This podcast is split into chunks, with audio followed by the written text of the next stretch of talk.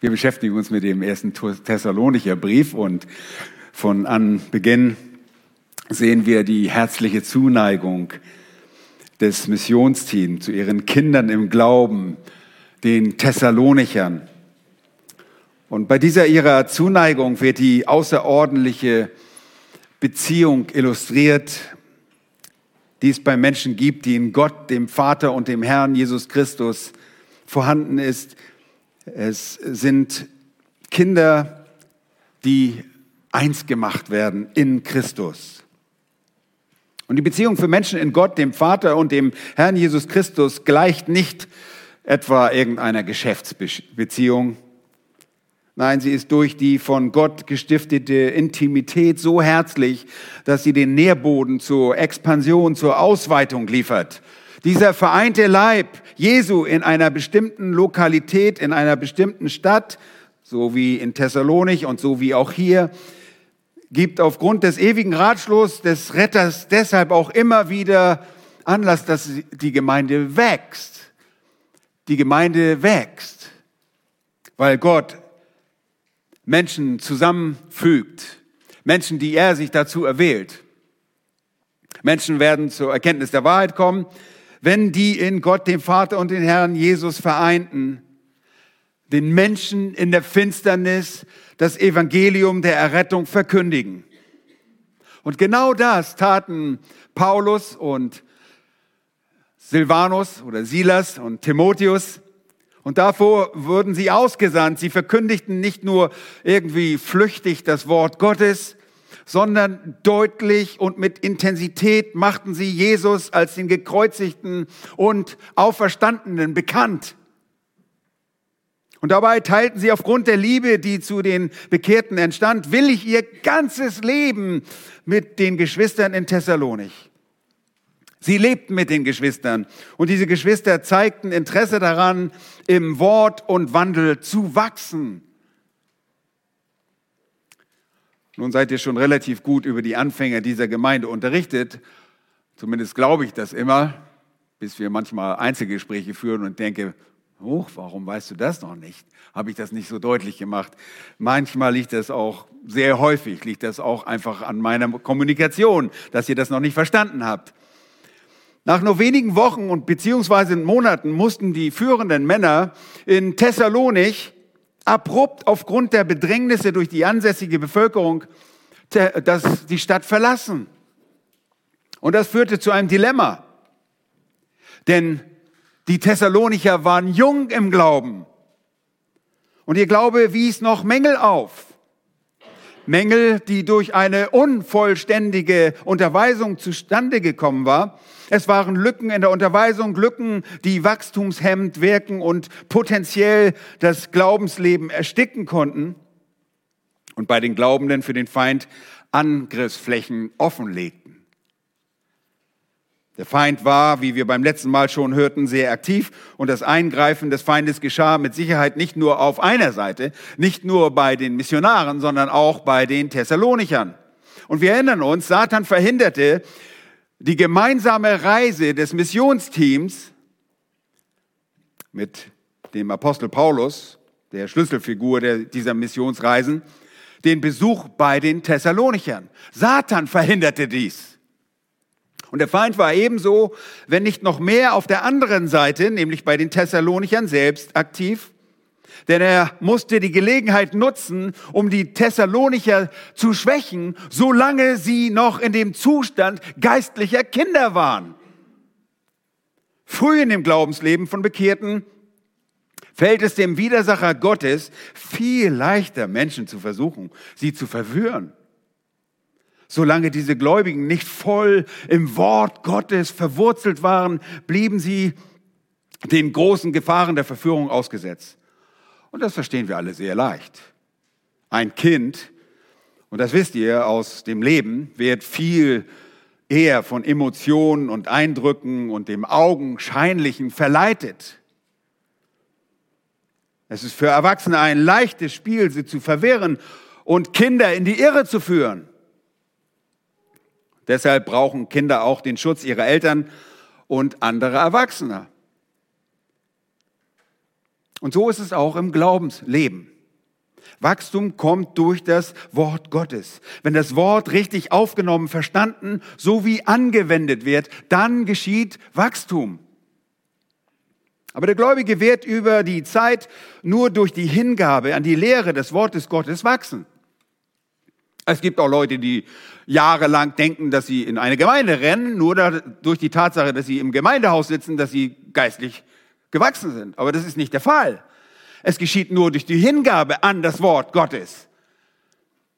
Die Wurzeln müssen tief in das Leben der Kinder Gottes eindringen.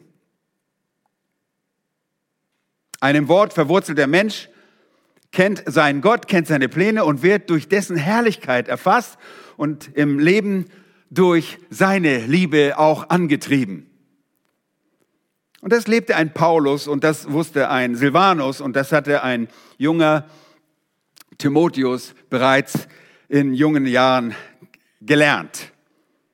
Und jetzt setzten diese Männer, die unfreiwillig und aufgrund der Bedrohung ihres Lebens von den Thessalonicher getrennt waren, alles daran, sie setzten alles daran, wieder zu ihren geliebten Kindern im Glauben, den Thessalonichern zu gelangen. Sie versuchten einfach alles.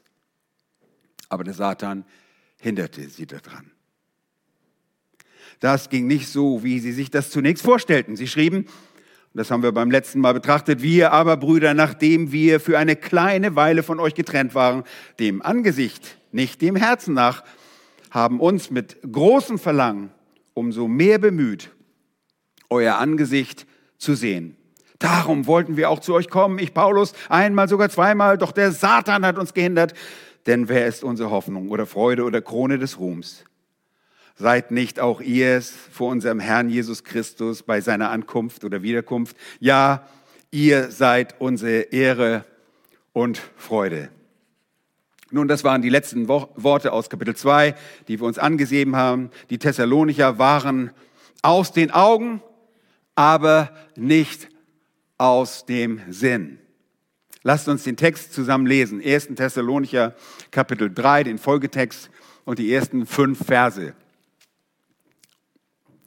Weil wir es aber nicht länger aushielten, zogen wir es daher vor, allein in Athen zu bleiben und sandten Timotheus, unseren Bruder, der Gottesdiener und unser Mitarbeiter am Evangelium von Christus ist, damit er euch stärke und euch tröste in eurem Glauben damit niemanden wanken werde in diesen Bedrängnissen. Denn ihr wisst selbst, dass wir dazu bestimmt sind. Als wir nämlich bei euch waren, sagten wir euch voraus, dass wir Bedrängnisse erleiden müssten. Und so ist es auch gekommen, wie ihr wisst. Darum hielt ich es auch nicht mehr länger aus, sondern erkundigte mich nach eurem Glauben, ob nicht etwa der Versucher euch versucht habe und unsere Arbeit umsonst gewesen sei. Soweit der Text. Unser heutiger Predigtext zeigt uns jetzt die alternativen Maßnahmen als Reaktion auf die notvollen Umstände. Er zeigt uns die übergeordnete Absicht, die hinter der angestrebten leiblichen Gegenwart geistlicher Leiter bei den Thessalonichern stand. Und wir werden erfahren, was die beunruhigende Frage des vom Herrn, Je vom Herrn Jesus Gesandten in Hinblick auf diese Notlage war. Aber lasst uns beginnen mit dem ersten Punkt, der opferbereiten Fürsorge der Missionare. Die opferbereite Fürsorge, Verse 1 und 2a. Da heißt es, als wir es nicht länger aushielten, zogen wir es daher vor, allein in Athen zu bleiben und sandten Timotheus, unseren Bruder, der Gottesdiener und unser Mitarbeiter am Evangelium von Christus ist. Oh, dieser Vers Verse lesen sich so schnell, ist aber mit einer Fülle von wichtigen, sehr wichtigen Hinweisen bestückt. Das Missionsteam, das trotz aller geplanten und durchdachten Reisebestrebungen nicht zu den Thessalonichern reisen konnte, gab sich in keinerlei Weise geschlagen. Wir haben nicht gesagt, na, Satan will das nicht, okay, dann bleiben wir einfach zu Hause. Nein, das unmittelbare Hindernis des Satans war nicht ein Grund zum Aufgeben. Ein wiederholtes Anlaufen Versuchen zu der Reise zurück nach Westmazedonien war bisher vergeblich, aber nicht ein Grund zum Aufgeben. Und in dieser Zeit wuchs offenbar in diesen Männern Gottes das Verlangen, die Brüder in Thessalonik zu sehen, weil zum einen Liebe sie verband, aber vor allem, weil sie in einer akuten Notlage waren. Und sie sagen von sich, wir hielten es nicht länger aus. Wir wollten kommen und jetzt kommt der Punkt, jetzt ist die Grenze erreicht. Wir halten es einfach nicht mehr länger aus, von euch getrennt zu sein. Und das ist wirklich eine starke Aussage. Diese Männer waren keine warm duschenden Weicheier. Sie waren hart im Nehmen und konnten eine Menge einstecken. Hatten sie nicht schon Steinigung, Schläge, Misshandlung und Inhaftierung kennengelernt? Oh ja. Und nichts hatte sie in irgendeiner Art und Weise zum Jammern oder Klagen gebracht. Nichts hatte sie dazu gebracht, aufzuhören und an die Thessalonicher zu denken. Im Gegenteil, dieses Verlangen wurde immer stärker. Aber jetzt, jetzt verspürten sie dieses unbändige, das flammende Begehren, die intensiv und heiße Sehnsucht, die Brüder zu sehen.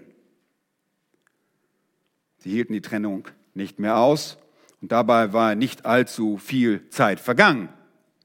Sie sagten gerade, wir waren für eine kleine Weile von euch getrennt. Oh, es war wirklich eine kleine Zeit, nur wenige Monate. Das lässt sich aus den verschiedenen historischen Daten erkennen, unter anderem äh, daran, dass der bekannte Statthalter in Korinth zu einer ganz bestimmten Zeit dort regierte, wie wir das bereits bei der Datierung des äh, Briefes getan haben. Sie hatten ein noch größer gewordenes Verlangen. Und jetzt sind nur wenige Monate vergangen. Jeder Tag schien die Last der Trennung zu intensivieren. Jetzt war der Punkt erreicht, wo sie sich nicht mehr mit diesen Umständen zufrieden geben konnten. Sie waren schwer belastet dadurch. Und so kamen diese Männer zusammen und beratschlagten die Notlage miteinander. Und lasst uns einmal die Lupe hervorholen und untersuchen, wie sich das reisetechnisch zugetragen hat. Schlag dazu bitte die Apostelgeschichte auf. Apostelgeschichte Kapitel 17 und die Verse, Vers 10 und die Verse danach liefern uns den historischen Hintergrund. Und ich lese dort ab Vers 10. Wir haben das schon getan, aber ich möchte euch ein paar Dinge hervorheben.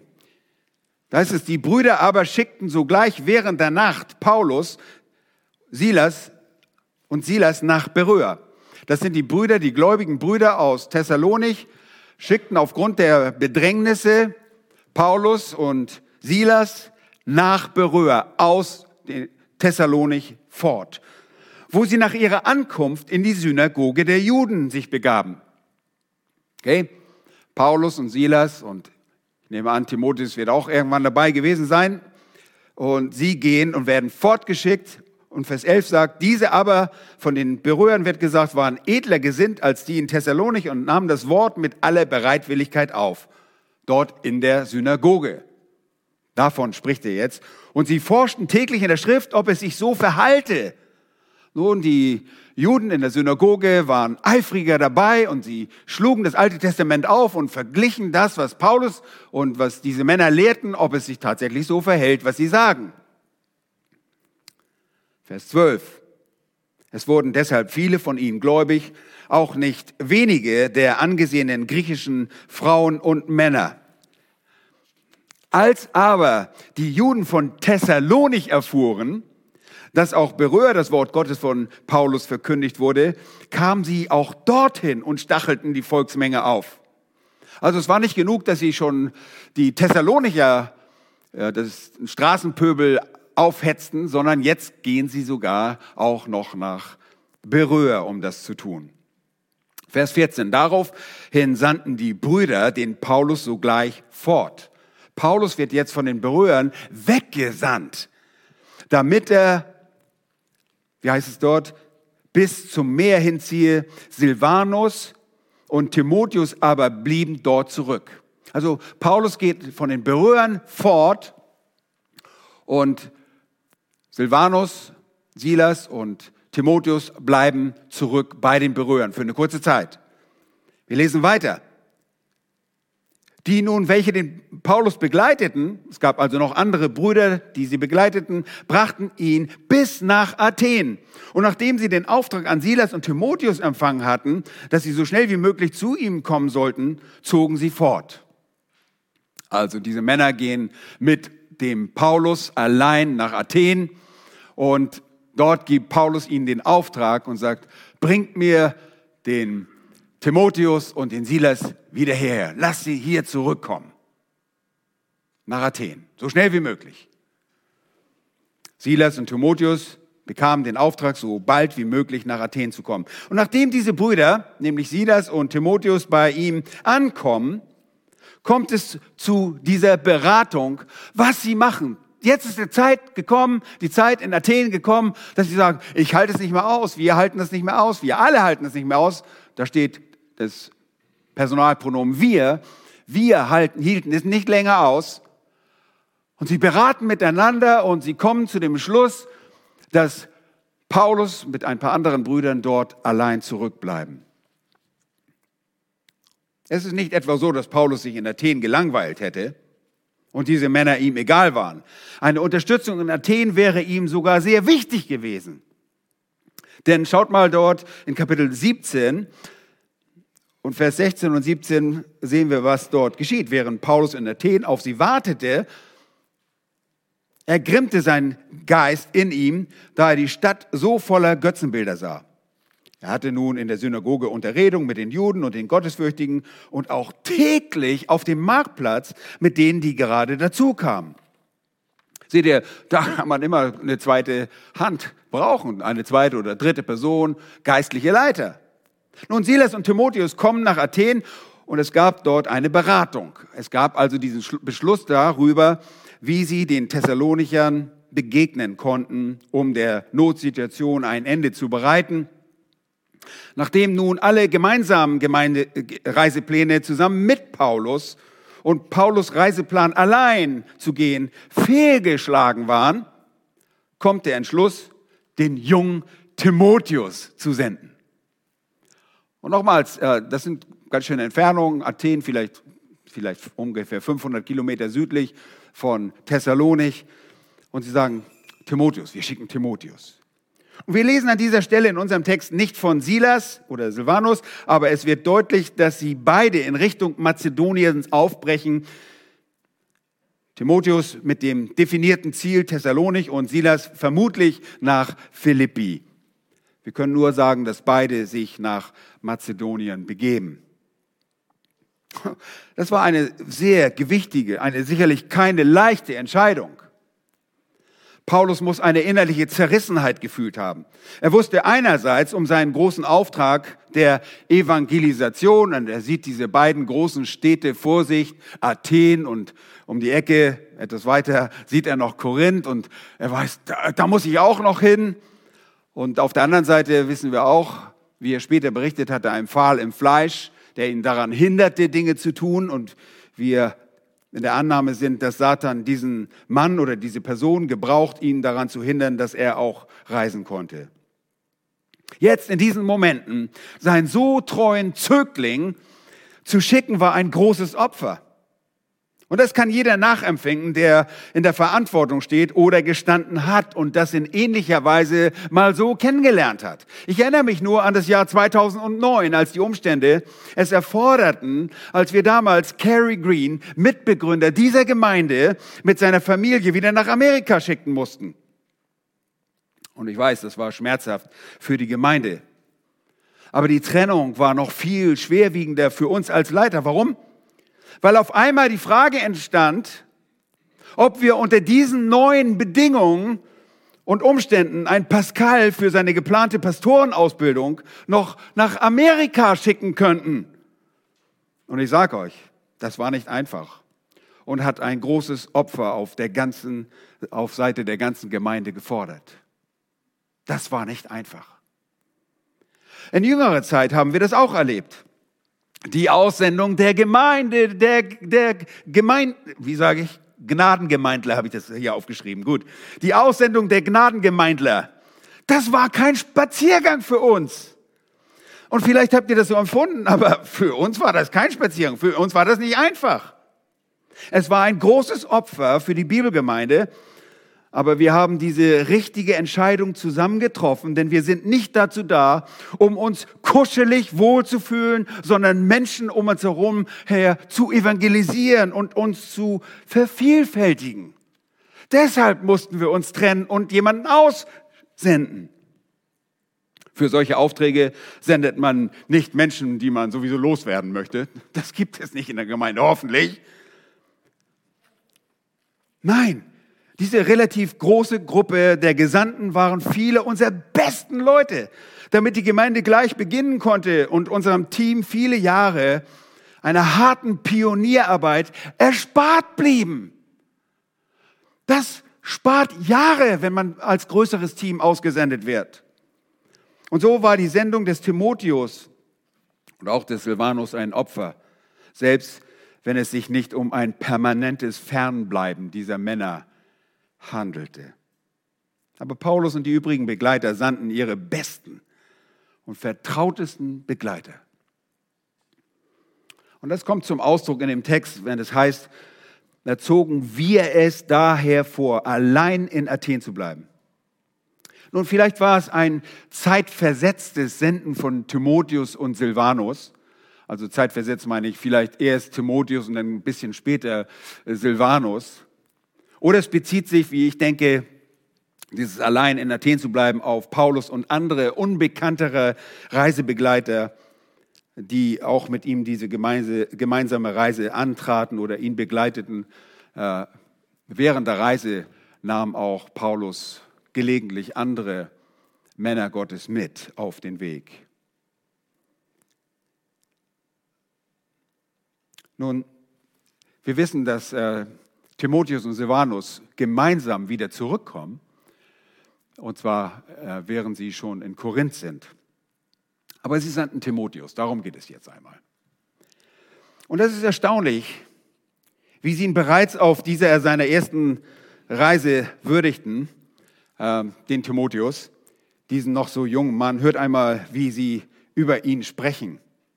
da heißt es, und sandten Timotheus, unseren Bruder, der Gottesdiener und Mitarbeiter am Evangelium von Christus ist. Nun, äh, gemäß einer Textvariante war er ein Mitarbeiter Gottes und ein Diener im Evangelium. Er war nicht etwa ein unbedeutender, ein belastender Praktikant. Ich weiß nicht, ob ihr sowas mal kennengelernt habt in einer Firma. Ich habe das damals mehrfach gehabt. Da kriegt man Praktikanten und weiß gar nicht, oh, das ist jetzt ein Segen oder ein Fluch. Aber man muss einfach hat jemand an der Seite und äh, das ist einfach so. Und so einer war er nicht. Timotheus war brauchbar. Er war nicht ein Unbedeutender. Er war nicht jemand, der nur mal den Hauskreis leiten durfte oder sich deshalb als ein geistlicher Riese sah, weil er schon einmal das Abschlussgebet gesprochen hat. Diese Reise, so wie der Auftrag zuvor, als Timotheus und Silvanus in Beröa blieben, brachten diesem Jungen die ersten selbstständigen Erfahrungen. Er war ein Mann, den Paulus aus Lystra mitgenommen hatte auf seiner zweiten Missionsreise. Er war der Sohn einer gläubigen jüdischen Frau, aber eines griechischen Vaters und er hatte ein gutes Zeugnis, was schon etwas aussagt über seinen Charakter. Er hatte ein gutes Zeugnis von den Brüdern in Lystra und Iconium. Er war erprobt. Er war treu.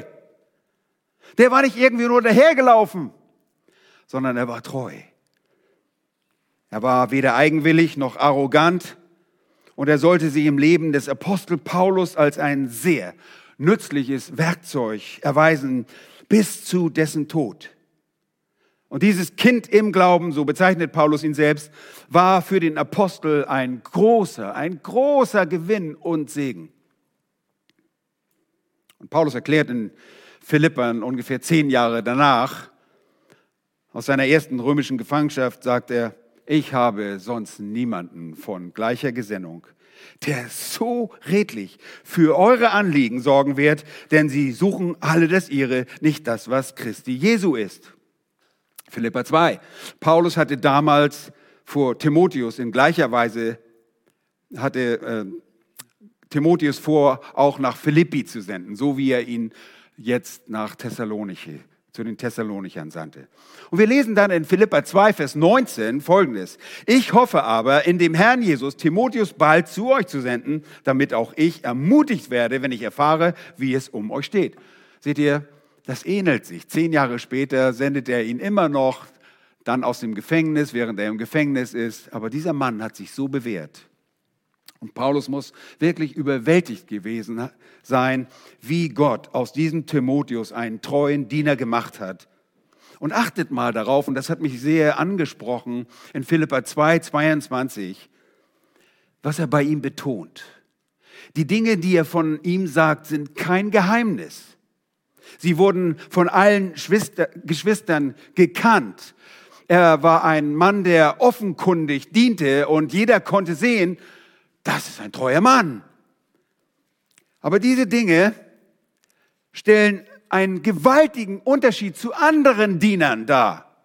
Und das macht Paulus deutlich. Und da heißt es von ihm in Philippa 2, 22, wie er sich aber bewährt hat, das wisst ihr, dass er nämlich wie ein Kind dem Vater mit mir gedient hat am Evangelium. Und das ist vielleicht ein bisschen doppeldeutig in der Schlachterübersetzung. Ich habe mal die New American Standard übersetzt ins Deutsche, die sagt das sehr deutlich. Aber ihr wisst, dass er sich bewährt hat, dass er mir bei der Förderung des Evangeliums diente wie ein Kind seinem Vater. Bei der Schlachterübersetzung könnte man vielleicht denken, er dient Gott dem Vater.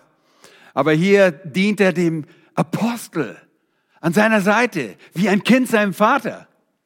Er dient ihr nicht nur hart, er diente nicht nur unermüdlich, damit er sein Soll erfüllte, nein, sondern Timotheus diente dem Mann Gottes an seiner Seite, wie ein Kind dem Vater dient. Gemeinsam und mit dieser Haltung war er aktiv bei der Förderung des Evangeliums. Oh ihr Lieben, warum hebe ich das hervor? Weil das spricht von einer so selten gewordenen Tugend nämlich von der Ehrerweisung eines Schülers seinem geistlichen Vater gegenüber.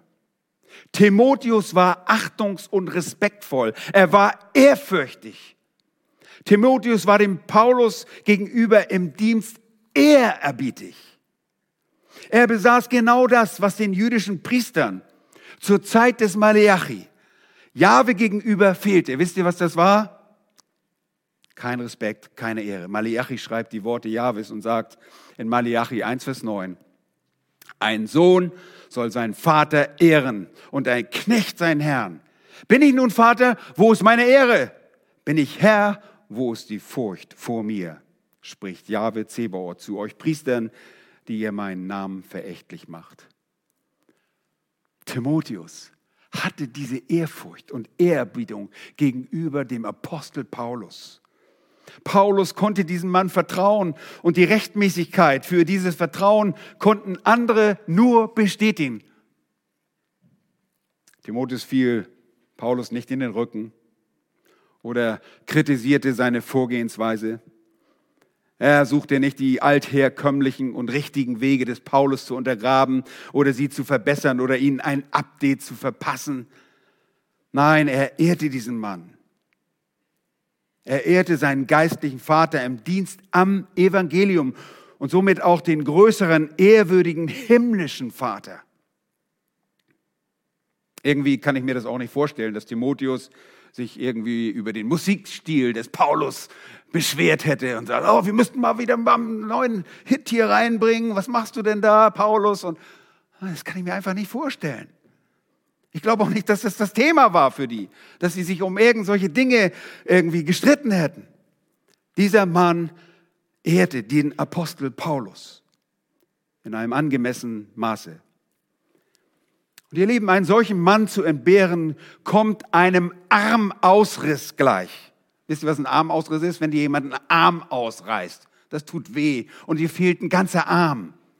Paulus brachte dieses Opfer und er beschloss von daher, mit ein paar anderen Mitarbeitern quasi allein zu, in Athen zu bleiben. Das ist das, was diese Stelle sagt. Er selbst konnte nicht reisen, weil Satan ihn selbst zu diesem Zeitpunkt daran hinderte. Aber warum sandte er ihn? Warum, was war die eigentliche Absicht? Warum sandte er ihn? Und das ist unser zweiter Punkt aus dem Text. Die übergeordnete Absicht. Verse 2b bis 4. Und die übergeordnete Absicht zeigt uns, dass aus den Augen zu sein nicht aus dem Sinn zu sein bedeutet. So wie ich diese Predigtreihe auch betitelt habe. Aus den Augen, nicht aus dem Sinn.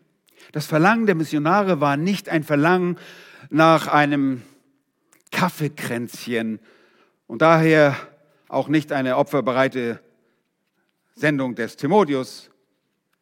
Ähm, es war mehr als das. Schaut mal in den Text. Da heißt es, damit er euch stärke. Timotheus wurde gesandt, damit er euch stärke und tröste in eurem Glauben. Damit niemand wanken werde in diesen Bedrängnissen, denn ihr wisst selbst, dass wir dazu bestimmt sind. Als wir nämlich bei euch waren, sagten wir euch voraus, dass wir Bedrängnisse erleiden müssten. Und so ist es auch gekommen, wie ihr wisst. Dieses damit leitet einen Finalsatz, einen Zweck es, weist auf einen Zweck hin, eine Absicht, damit Timotheus euch, die Thessalonicher im Herrn, stärken und trösten würden in ihrem Glauben. Deshalb, ach, deshalb wollten sie dahin. Ich verstehe, es geht gar nicht so sehr, dass man sich einfach nur umarmen wollte. Nein, es ging um eine tatsächlich übergeordnete Absicht. Jetzt wurde der junge Mann Timotheus zu einem wichtigen Botschafter und zu einem Lehrer. Denn Stärkung und Trost, ihr Lieben, Stärkung und Trost im Glauben sind nicht eine Frage des guten Zuspruchs. Ach, das wird schon alles wieder gut werden. Ach, das wird schon, das kennen wir doch alle irgendwo. Das ist nicht so schlimm. Nein. Stärkung und Zuspruch ist eine Erinnerung an die Lehre des Wortes Gottes wenn wir jemanden ermutigen wollen, dann belehren wir sie durch das Wort Gottes. Es ist eine Frage der Erinnerung an bereits Gelerntes. Paulus und seine Männer fürchteten, dass die Thessalonicher aufgrund der Bedrängnisse durch die eigenen Landsleute von dieser Bedrängnis, habt ihr bereits gelernt, sie fürchteten, dass sie von ihrem Glauben ins Wanken kommen würden. Seht ihr? Da steht, damit niemand wankend werde in dieser Bedrängnis. Wanken ist an dieser Stelle ein sehr interessantes Wort, die Übersetzung eines sehr interessanten griechischen Wortes, das nur ein einziges Mal in der Bibel vorkommt und das ist an dieser Stelle. Es wird im außerbiblischen Sprachgebrauch benutzt und bedeutet mit dem Schwanz wedeln. Oh, okay. Wie ein Hund der fröhlich auf die zukommt, nachdem er vielleicht das Steak vom Teller am Esstisch geklaut hat. Und Hunde haben nun mal kein schlechtes Gewissen, oder? Die kommen einfach mit freudig an und tanzen mit ihrem, äh, wedeln mit ihrem Schwanz und denken, was habe ich schon getan? Ich habe nur ein Steak gegessen, war lecker. Also, ja, genau wie dieser Hund. Und dich zu besänftigen versucht durch seine fröhliche Art und das Wedeln des Schwanzes, so ist es möglich, dass die Feinde des Evangeliums die Bedrängten durch ein einschmeichelndes Verhalten die Gunst der bedrückten Thessalonicher zu erlangen suchten. Sie sich bei ihnen einschmeicheln wollten. Deshalb neigen einige Ausleger, ich sage bewusst einige Ausleger dazu, das wankend werdend als ein sich bewegen oder betören lassen zu übersetzen wäre. Ja, damit ihr nicht betört werdet wegen dieser Bedrängnisse. Betörung also durch diese einschmeichelnden Worte der Feinde. Das wäre eine Version. Demnach würden die Glaubenden in der Gefahr stehen, sich durch ihre eigenen Gegner den Glauben ausreden zu lassen. Nun, nach dem Motto, Leute, wenn dieser Glaube so vielversprechend ist, dann solltet ihr gewiss nicht leiden. Warum, warum das Leid? Ihr seid gläubig und leidet jetzt? Das kann doch nicht sein. Nun, es gibt mittlerweile auch außerbiblische Belege für das Wort. Das ist so viel wie erschüttern und sich bewegen lassen bedeutet. Mit anderen Worten, lasst euch nicht durch die Bedrängnisse im Glauben erschüttern, also durcheinander bringen, als würde widerfahre euch etwas Seltsames.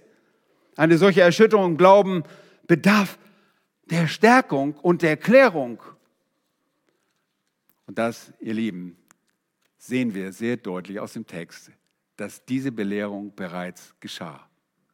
Timotheus hatte den Auftrag, jetzt die Thessalonicher, die möglicherweise das vergessen hatten, das wieder in Erinnerung zu bringen. Und das geschieht durch Lehren. Man erinnert an eine Lehre. Wisst ihr, wir wissen auch schon sehr viel. Unser Problem ist oft, dass wir das, was wir schon gelernt haben, nicht anwenden können und müssen wieder erinnert werden. Dazu wurde Timotheus jetzt geschickt und um zu trösten. Das Leid ist schwer. Und ein Trost ist, die Wahrheit zu hören. Dir geschieht nichts Außergewöhnliches.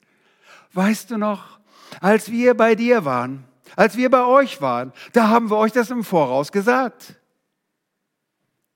Paulus wollte die Thessalonicher am liebsten selbst stärken.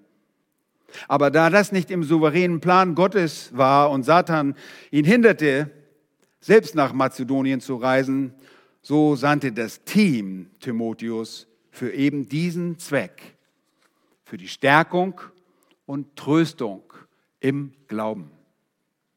Die Strapazen für einen alternden Paulus waren durch die Misshandlung bereits groß genug. Und so war es von Gott mit diesem Mann und ein paar anderen mit ein paar anderen gesegnet, die anstatt des Apostels mit Anwesenheit per Ersatz glänzen konnten.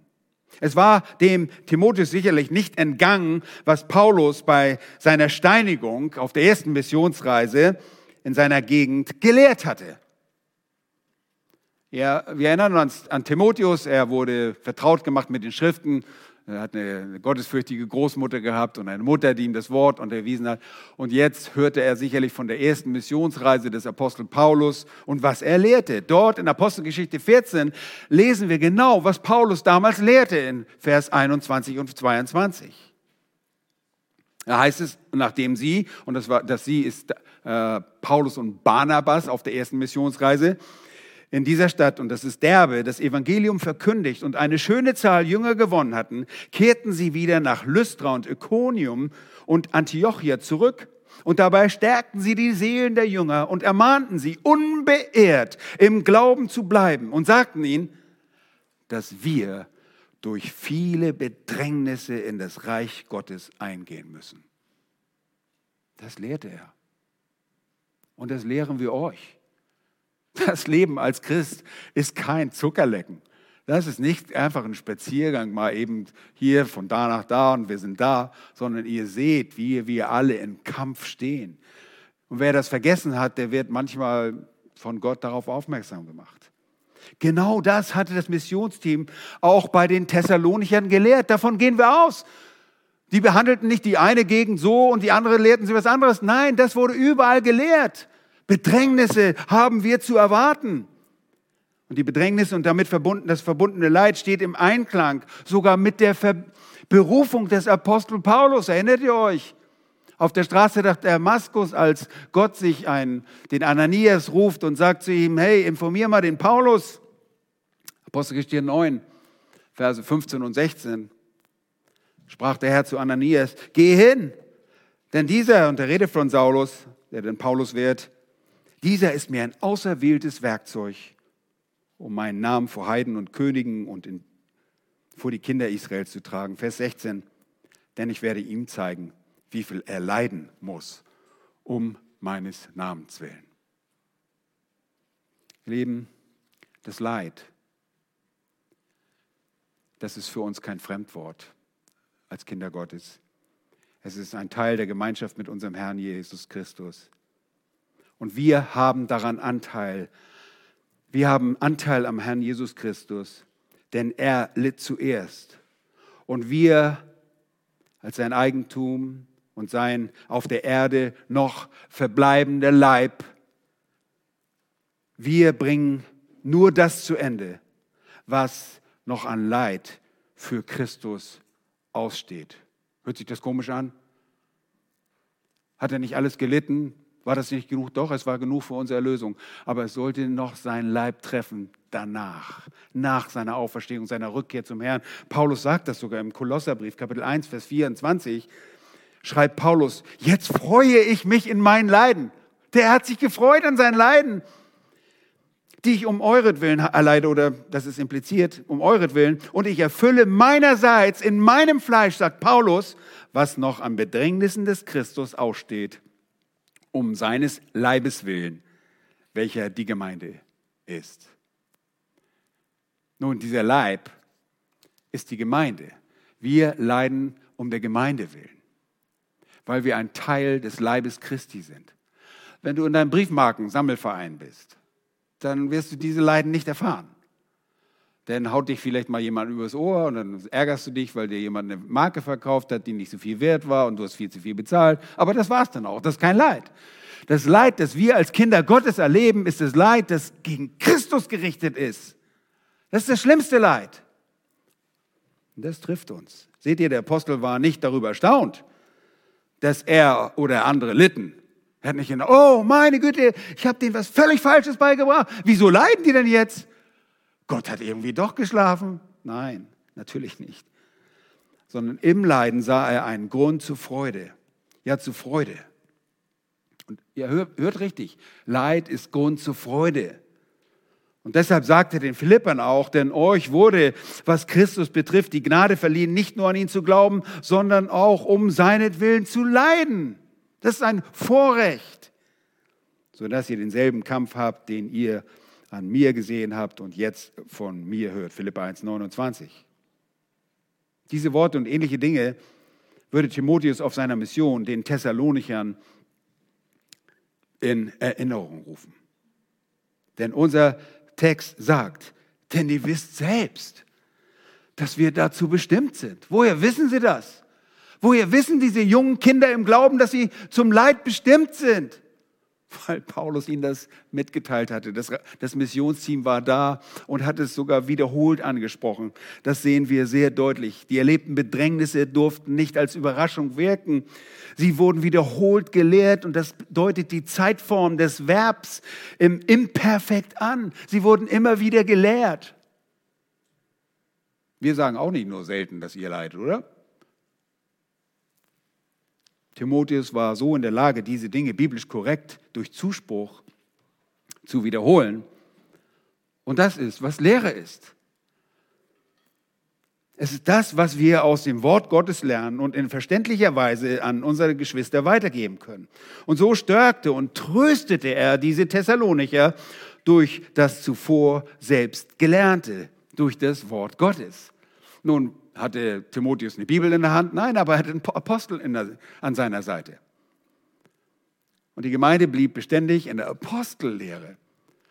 Und die Thessalonicher hatten in Kapitel 2, Vers 13 begriffen, dass dieses Wort kein Menschenwort ist, dass es nicht lediglich Menschenwort ist, sondern das Wort Gottes. Und das hatten sie gelernt. Was dieser Mann sagt, das ist von Gott. Was für ein Trost. Wir leiden, das ist nicht ungewöhnlich. Wir leiden mit den großen Männern des Evangeliums. Oh, das ist ein Trost.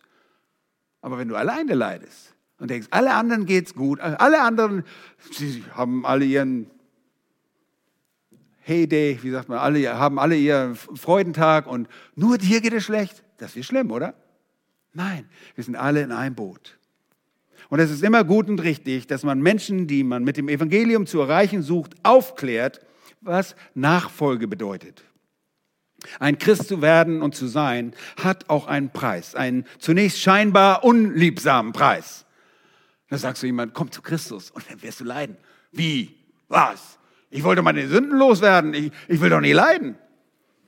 Und ich sage bewusst scheinbar, denn im Laufe des Heranwachsens wird der reifende Christ vermehrt das Leid im eigenen Leben willkommen heißen. Oh, ich sage nicht, dass es nicht weh tut. Manches Leid tut schrecklich weh. Aber wisst ihr was? Und nochmal zurück Erinnert euch noch an Thomas Hotzi, als er hier sprach? Wofür dienen diese Dinge alle? Zu unserer Heiligung. Nichts geht bei dem Herrn verloren. Diese Dinge dienen unserer Heiligung. Dieses Leid findet sich in unserem Text in den Worten Bedrängnisse erleiden müssen. Und der reife Christ weiß, dass wir zum Leid berufen sind, damit Gott, der Vater, um uns, gestalt, um uns umgestalten kann und wir dem Bild seines Sohnes immer ähnlicher werden. Wisst ihr, Gott wählte das Leid für seinen Sohn, um uns zu erlösen. Gott hätte sagen können, hey, lass uns mal eine große Summe machen. Hey, Söhnchen, weißt du, wir, wir machen das mal anders. Nein, er hat das Leid gewählt. Er hätte wirklich was anderes machen können. Und wir wollen Christus ähnlich sein, aber beim Leid sagen wir, oh, das ist irgendwie komisch, das will ich nicht so richtig, das passt nicht. Doch, wenn du wächst, wirst du erkennen, wie wertvoll dieses Leid ist für dein Leben. Gott wählte das Leid für seinen Sohn. Und er wählt es auch für uns, um uns voranzubringen. Lasst uns das gegenseitig immer wieder in Erinnerung bringen. Nun, das ist noch nicht ganz alles, was das Team beabsichtigt, denn Paulus selbst bringt seine Besorgnis zum Ausdruck. Drittens, und das ist die beunruhigende Frage in Vers 3, Vers 5, Kapitel 3, Vers 5. Die beunruhigende Frage, die nur jemand für die anderen außer Sicht aus den Augen stellt, wenn diese nicht aus dem Sinn sind. Da heißt es, darum, und jetzt sagt er, hielt ich es nicht. Vorher waren wir, jetzt sagt er ich, ganz besonders, es auch nicht mehr länger aus, sondern erkundigte mich nach eurem Glauben, ob nicht etwa der Versucher euch versucht habe, und unsere Arbeit umsonst gewesen sei. Auch Paulus hält diese Trennung nicht länger aus. Und es scheint hier gemäß der Schlacht der 2000 so zu sein, dass er sich nur nach dem Glauben der Thessalonicher erkundigte. Das ist nicht ganz richtig, wenn auch eine Teilwahrheit. Meines Erachtens ist es ein bisschen unglücklich übersetzt. Der griechische Text sagt hier mehr und die revidierte Elberfelder von 93 drückt das auch aus. Ich lese ihren Text. Darum, da auch wir es nicht länger aushalten konnten, sandte ich, steht da. Sandte ich, um euren Glauben zu erfahren. Seht ihr? Paulus greift hier Vers 1 nochmals auf und er ergänzt, dass auch er den Timotheus sandte, um zu wissen, wie es den Thessalonichern in ihrem Glauben erging. Er machte sich Gedanken darüber. Er machte sich Gedanken darüber, dass ein gewisser Herr Versucher, nun Versucher steht da, wer ist dieser Versucher? Wen spricht, von wem spricht hier der Apostel? Nun, das ist offensichtlich für uns, die wir im Wort Gottes gelehrt sind. Es ist offensichtlich der Satan, die alte Schlange. Warum betone ich die Schlange? Weil die, alle Versuchungen fingen eigentlich im Garten Eden durch die Schlange an, durch den Satan. Die alte Schlange versuchte den Menschen von Anfang an. Er versuchte den ersten Adam und er versuchte den letzten Adam, wie Paulus ihn nennt im Korintherbrief. Er versuchte den Herrn Jesus Christus selbst. Und ihr könnt es selbst nachlesen, wir haben nicht die Zeit dazu, aber in Matthäus Kapitel 1 und ähm, Matthäus, Markus, äh, Markus 1 und Lukas 4, genauso war das, sind die Versuchungen unseres Herrn Jesus Christus aufgezeichnet. Er ist der Versucher. Er möchte die Menschen zum Bösen versuchen. Unser Herr Jesus Christus, unser Gott, versucht niemanden. Das macht Jakobus, der Halbbruder unseres Herrn Jesus Christus, deutlich. Wenn wir versucht werden, dann werden wir von unseren eigenen Lüsten, von unserer eigenen Begierde versucht. Aber wir werden niemals von Gott versucht. Gott testet nur, Gott prüft unseren Glauben, aber er versucht uns niemals zum Bösen. Er redet hier vom Satan. Und Satan war jetzt schon aktiv geworden, indem er Paulus hinderte daran, die Thessalonicher zu besuchen. Und jetzt fürchtet sich Paulus und er fürchtet, da sind diese schwachen Kinder im Glauben und ich hatte nicht die Zeit und wir hatten nicht die Zeit, ihnen alles mitzuteilen, was sie wissen müssen. Es fehlt ihnen noch am Glauben. Darauf kommen wir noch auf diese Textstellen. Es fehlt ihnen noch etwas. Und da, da, da ist eine, eine Kluft, da ist noch eine, eine Lücke, eine, eine Leerlücke. Und wisst ihr was, Satan ist sehr aufmerksamer Beobachter. Er schlüpft meistens in solche Sachen hinein. Er weiß ganz genau, wo er angreifen muss. Nun, die Versuchung geschieht also nicht nur bei Adam und Eva, und das waren besondere Versuchungen, die versucht wurden in einem ungeprüften Zustand der Heiligkeit, die nie nochmals um diesen Baum herumliefen im Garten Eden und sagten, oh, wie schön, ich bin so verlockt daran zu greifen. Nein, das, das gab es bei ihnen nicht. Es gab in ihnen nichts Böses. Der Versucher musste von außen kommen. Genauso wie unser Herr Jesus keine bösen Gedanken hatte, der nie von, in dieser Art und Weise versucht wurde, böse zu denken. Aber dennoch wurde er versucht, in gleicher Weise wie, wie wir, doch ohne Sünde. Und er blieb ohne Sünde. Paulus nun machte sich Gedanken und das war einer der Hauptgründe, diese Frage, wird der Versucher sie so nachhaltig angreifen können, ihren Glauben dermaßen schwächen, dass unsere ganze Arbeit vergeblich war. Und dabei ging es nicht ihm, oh, ich habe mich umsonst abgemüht, sondern es ging ihm um die Menschen. Es, war, es geht nie, es geht uns nie darum, dass wir sagen, oh, wir haben zu viel Arbeit in irgendeine Person investiert. Wir haben schon in viel Menschen äh, Zeit investieren und die nach, nach, nach, nach einer geraumen Zeit doch weggegangen sind. Wisst ihr was? Es ist nur schade, dass wir diese Zeit nicht hätten anders einsetzen können. Und es tut uns leid für die Seele dieser Menschen, die dann doch weggehen. Genauso fürchtete Paulus noch immer, dass der Versucher auch erfolgreich sein sollte und den Glauben der Thessalonicher erschüttern sollte Was fürchtet er? Seine Furcht wird auch in der Sorge gegenüber den Korinthern deutlich. Da heißt es in 2. Korinther 11 und Vers 3. 3. Ich fürchte aber, es könnte womöglich, so wie die Schlange, die alte Schlange, der Satan, Eva verführte mit ihrer List, auch eure Gesinnung verdorben und abgewandt werden von der Einfalt gegenüber Christus.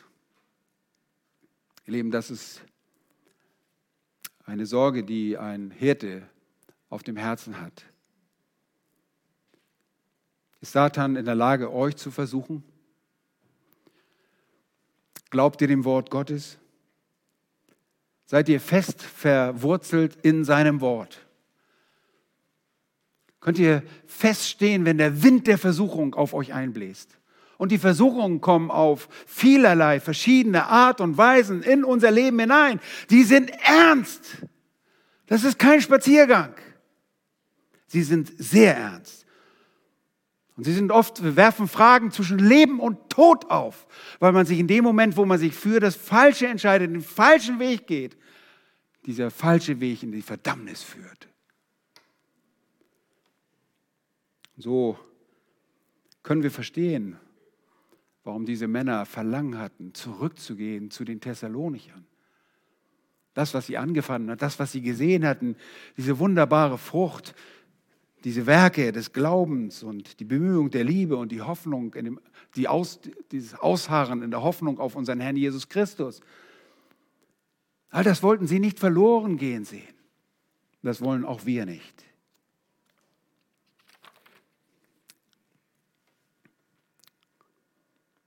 Hast du eine tatsächliche Beziehung zum Herrn Jesus Christus?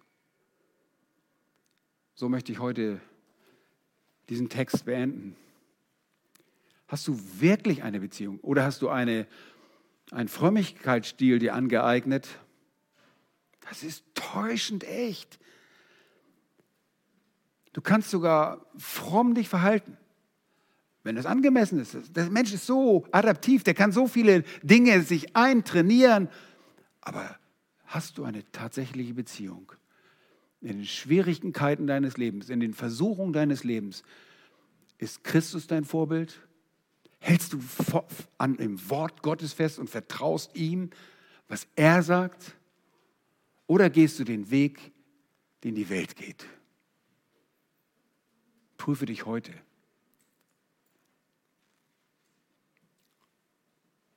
Und gehe nur mit einer sicheren Antwort, Herr, ich liebe dich. Ich gehöre dir aus diesem Raum. Lass uns beten. Herr, wir sind dir von ganzem Herzen dankbar, dass wir aus diesem Brief an die Thessalonicher so viele Dinge lernen dürfen, auch über uns selbst. Wir sind so dankbar, dass du die ersten Missionare so gebraucht hast auf diese Art und Weise, dass du deinen Namen groß gemacht hast. Herr, es geht um niemand anders als um dich.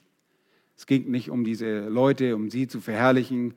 Wir bauen nicht dem Paulus einen Tempel oder den Timotheus, sondern du bist der wunderbare Gott, der sich unser erbarmt hat und seine Werkzeuge benutzt. Und diese Werkzeuge wollen wir sein. Herr, hilf, dass wir brauchbare Werkzeuge sind, die dem nacheifern, was du in deinem Wort sagst. Oh, vergib uns, dass wir so oft schon die Enttäuschung gebracht haben, weil wir so ähnlich wie die Mitarbeiter, die, mit denen Paulus Timotheus verglich, das unsere gesucht haben, wo es um unser Vorteil geht. Herr, hilf, dass wir davon wegsehen, dass wir immer dein Vorteil und deine Ehre und deine Herrlichkeit sehen. Vergib uns, dass unser Fleisch uns manchmal Dinge aufzwingt und dass wir unserem Fleisch nachkommen. Vergib uns unsere Schuld, reinige uns von aller Übertretung und hilf uns, dass wir dir nachfolgen in allem als treue Diener und Mitarbeiter Gottes am Evangelium. Das wollen wir sein, damit du dein Werk weiterhin vorantreibst, deine Gemeinde baust, um derer willen wir auch Leid erleiden werden.